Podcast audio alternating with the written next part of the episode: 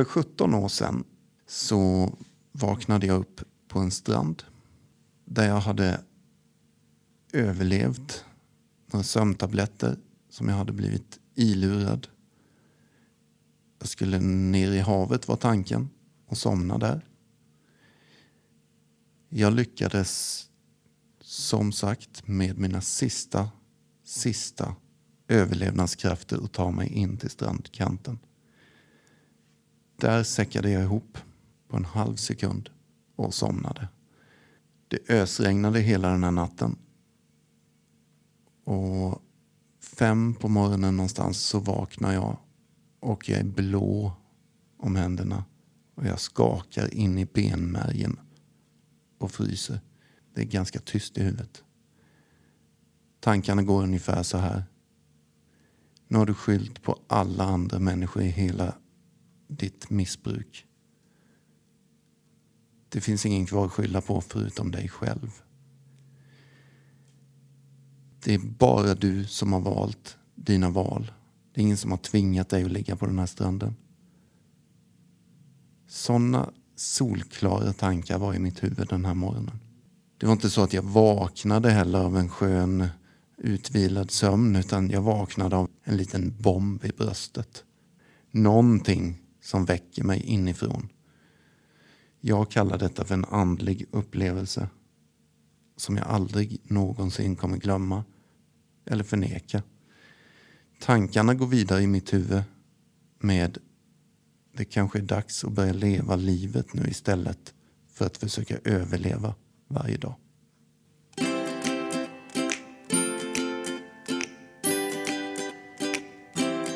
Har du tänkt på att det är bara mitt ansvar hur jag vill må just nu?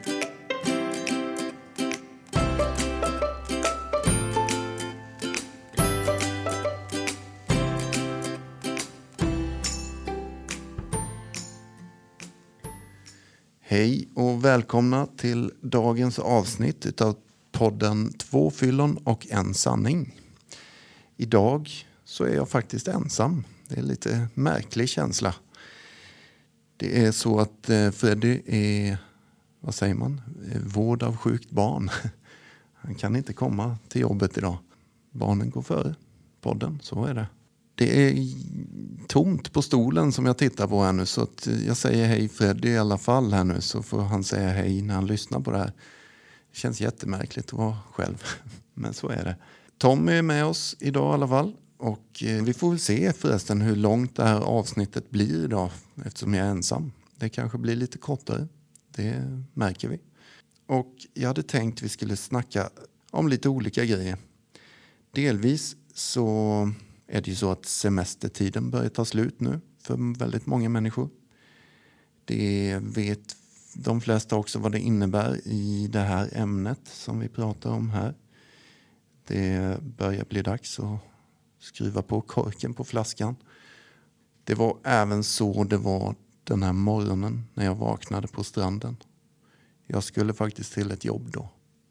Och jag skulle vilja prata lite om vad som hände efter den här morgonen. Och jag har pratat lite om det här att det här var en andlig upplevelse för mig. Och eh, det är inte så att jag är kristen eller muslim eller buddhist eller någonting av de här religionerna. Jag har en liten annan, vad ska vi kalla det, egen syn på det där. Den här morgonen när jag vaknade så inträffade saker och ting. Ni får tycka att jag är hur flummig som helst här nu. Men det här är exakt sanningen om vad som hände den morgonen. Eh, jag börjar gå för att det är mina tankar, eller det är rösten inuti mig som jag idag väljer att kalla för Gud eller universum eller den mänskliga kraften. Vad som helst, det spelar ingen roll för mig vad man vill kalla detta. Men Gud är väl ett ganska enkelt arbetsnamn och så förstår de flesta. Den här rösten, inre dialogen, pratade konstant med mig den här morgonen för att se till att överleva. Jag höll alltså på att frysa ihjäl, misstänker jag. Eh, jag tog mig så småningom till ett hotell där det stod några och sopade lite fimpar där utanför. När jag kommer och går där och jag vill bara be dem om hjälp, jag vill komma in i värmen, då backar de. För de blir rädda för mig.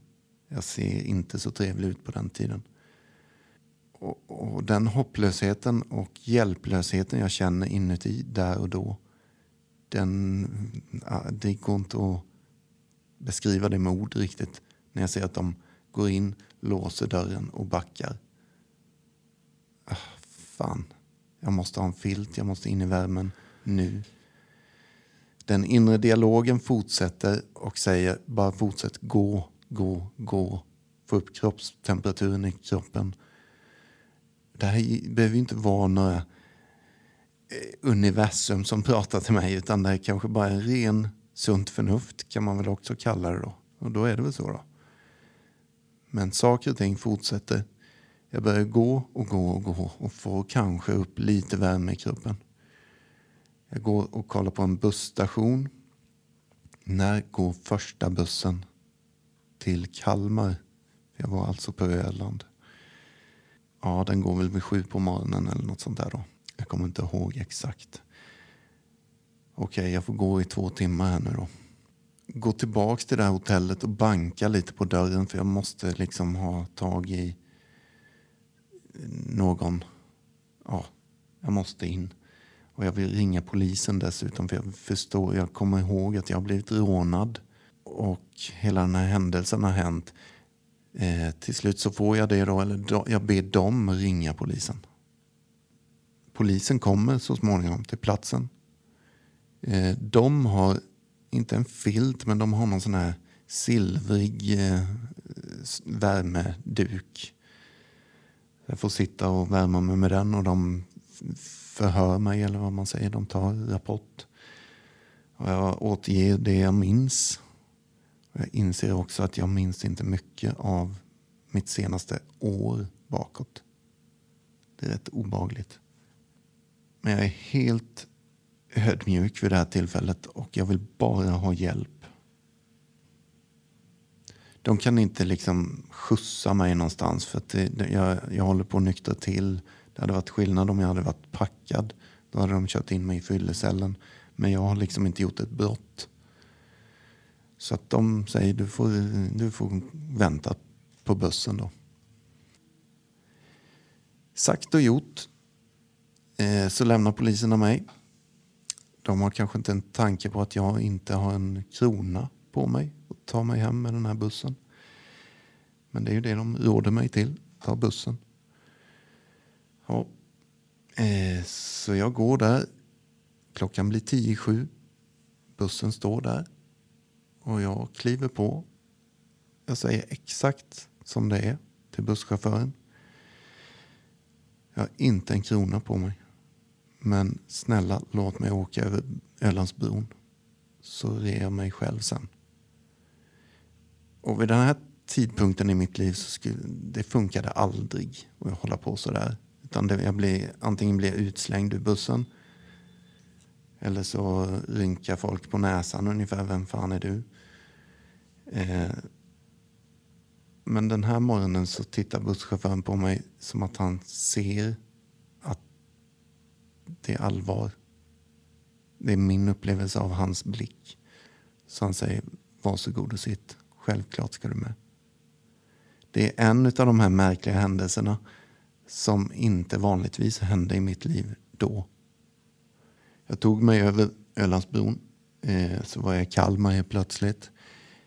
Jag visste inte exakt vad mina vänner i Kalmar, eller jag hade några vänner i Kalmar. Jag bodde ju inte där då.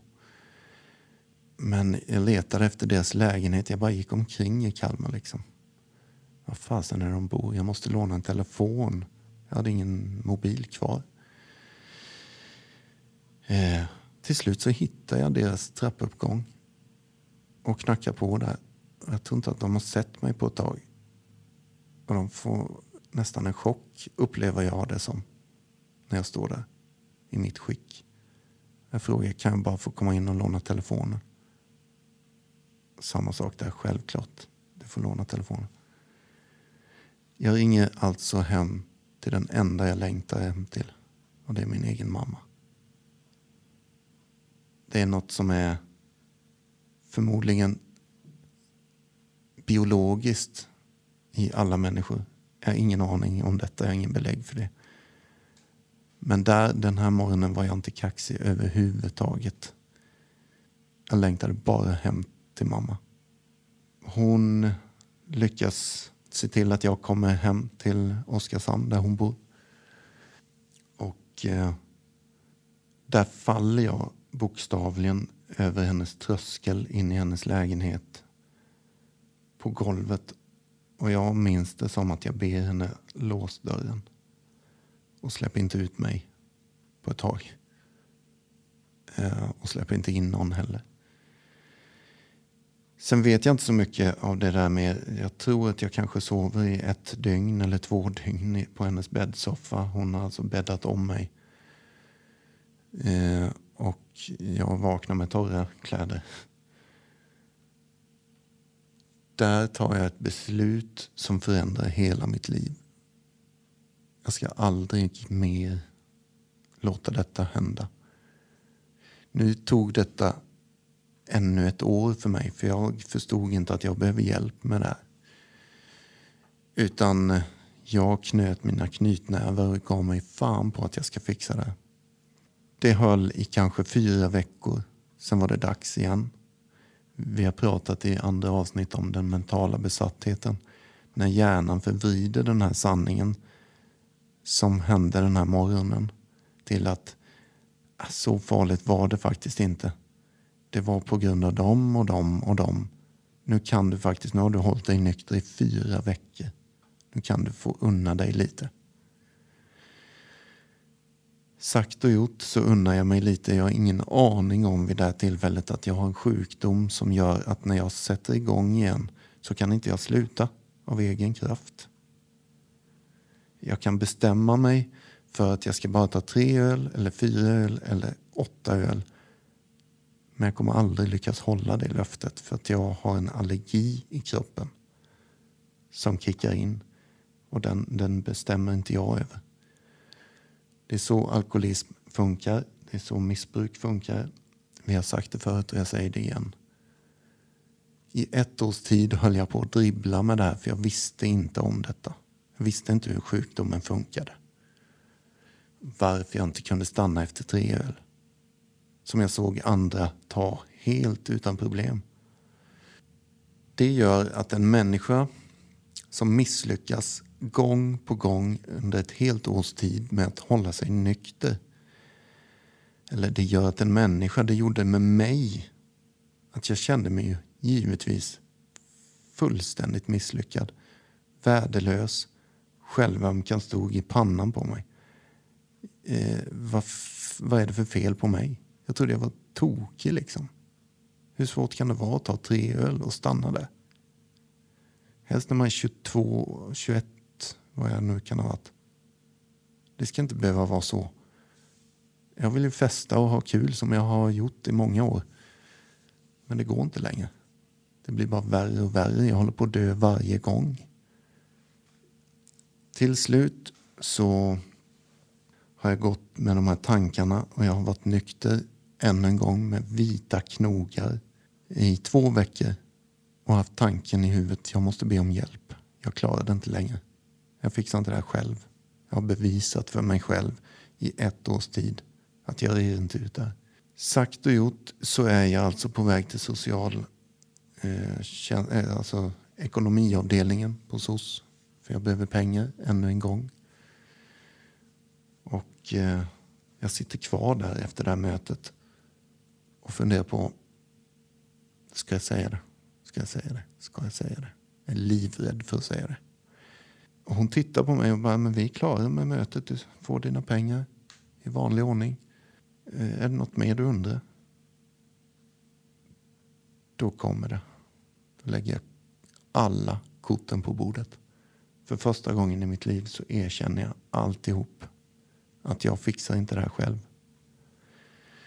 Eh, och jag säger också till henne att det här, jag måste ha hjälp nu. Jag har inte tid att vänta på tre veckors beslut här nu att ni ska tänka på det här. Jag måste ha hjälp nu, annars dör jag. Hon sa givetvis självklart, det, det här ska vi hjälpa dig med. Jag fick komma upp en våning till alkohol och narkotikasektionen och prata där med en handläggare som i sin tur fixade in mig på behandling, en tolvstegsbehandling som i stort sett räddade livet på mig. Där tog mitt liv en helt ny vändning och där hittade jag verktygen till att förbli nykter. Sen har jag ett återfall i mitt bagage fem år senare, det är en helt annan sak. Sen dess har jag sluppit dricka en enda droppe och det är elva år sedan. Det är jag väldigt tacksam för. Andlighet för mig är när människor är i djupet av sitt hjärta helt och rakt ärliga mot sig själva. När jag talar ifrån botten i mitt hjärta till någon annan människa då kommer den svara ifrån sin botten. Och med andra ord, be jag om hjälp i den ärliga stunden, då kommer jag få hjälp. Och det är det jag menar med riktig andlighet. Jag är som sagt, jag är inte kristen på något sätt, men jag tänkte jag ska faktiskt läsa en, jag vet inte om den här kommer från Bibeln, jag tror bara det är en kristen dikt snarare. Den heter Fotspår i sanden, många har hört den här. När jag läste den här första gången så började jag gråta för att jag såg givetvis likheter till mitt eget liv i det här. En natt hade en man en dröm. Han drömde att han gick längs en strand tillsammans med Gud. På himlen trädde plötsligt händelser fram från hans liv. Han märkte att vid varje period i livet så fanns det eh, fotspår i sanden av två par fötter. Det ena var hans och det andra var Guds. När den sista delen av hans liv trädde fram såg han tillbaka på fotspåren. Och han såg då att många gånger under sin levnadsvandring fanns det bara ett par fotspår. Han märkte också att detta inträffade under hans mest ensamma och svåra perioder av sitt liv. Detta bekymrade honom verkligen och han frågade Gud. Du sa en gång, den gången när jag bestämde mig att följa dig, att du aldrig skulle överge mig utan gå vid min sida hela vägen. Men jag har märkt att under de allra svåraste tiderna i mitt liv då har det bara funnits ett par fotspår. Jag kan inte fatta att du lämnade mig när jag behövde dig som mest. Gud svarade, mitt kära barn, jag älskar dig och jag skulle aldrig lämna dig under tider av prövningar och lidande. När du såg ett par fotspår, det var då jag bad dig.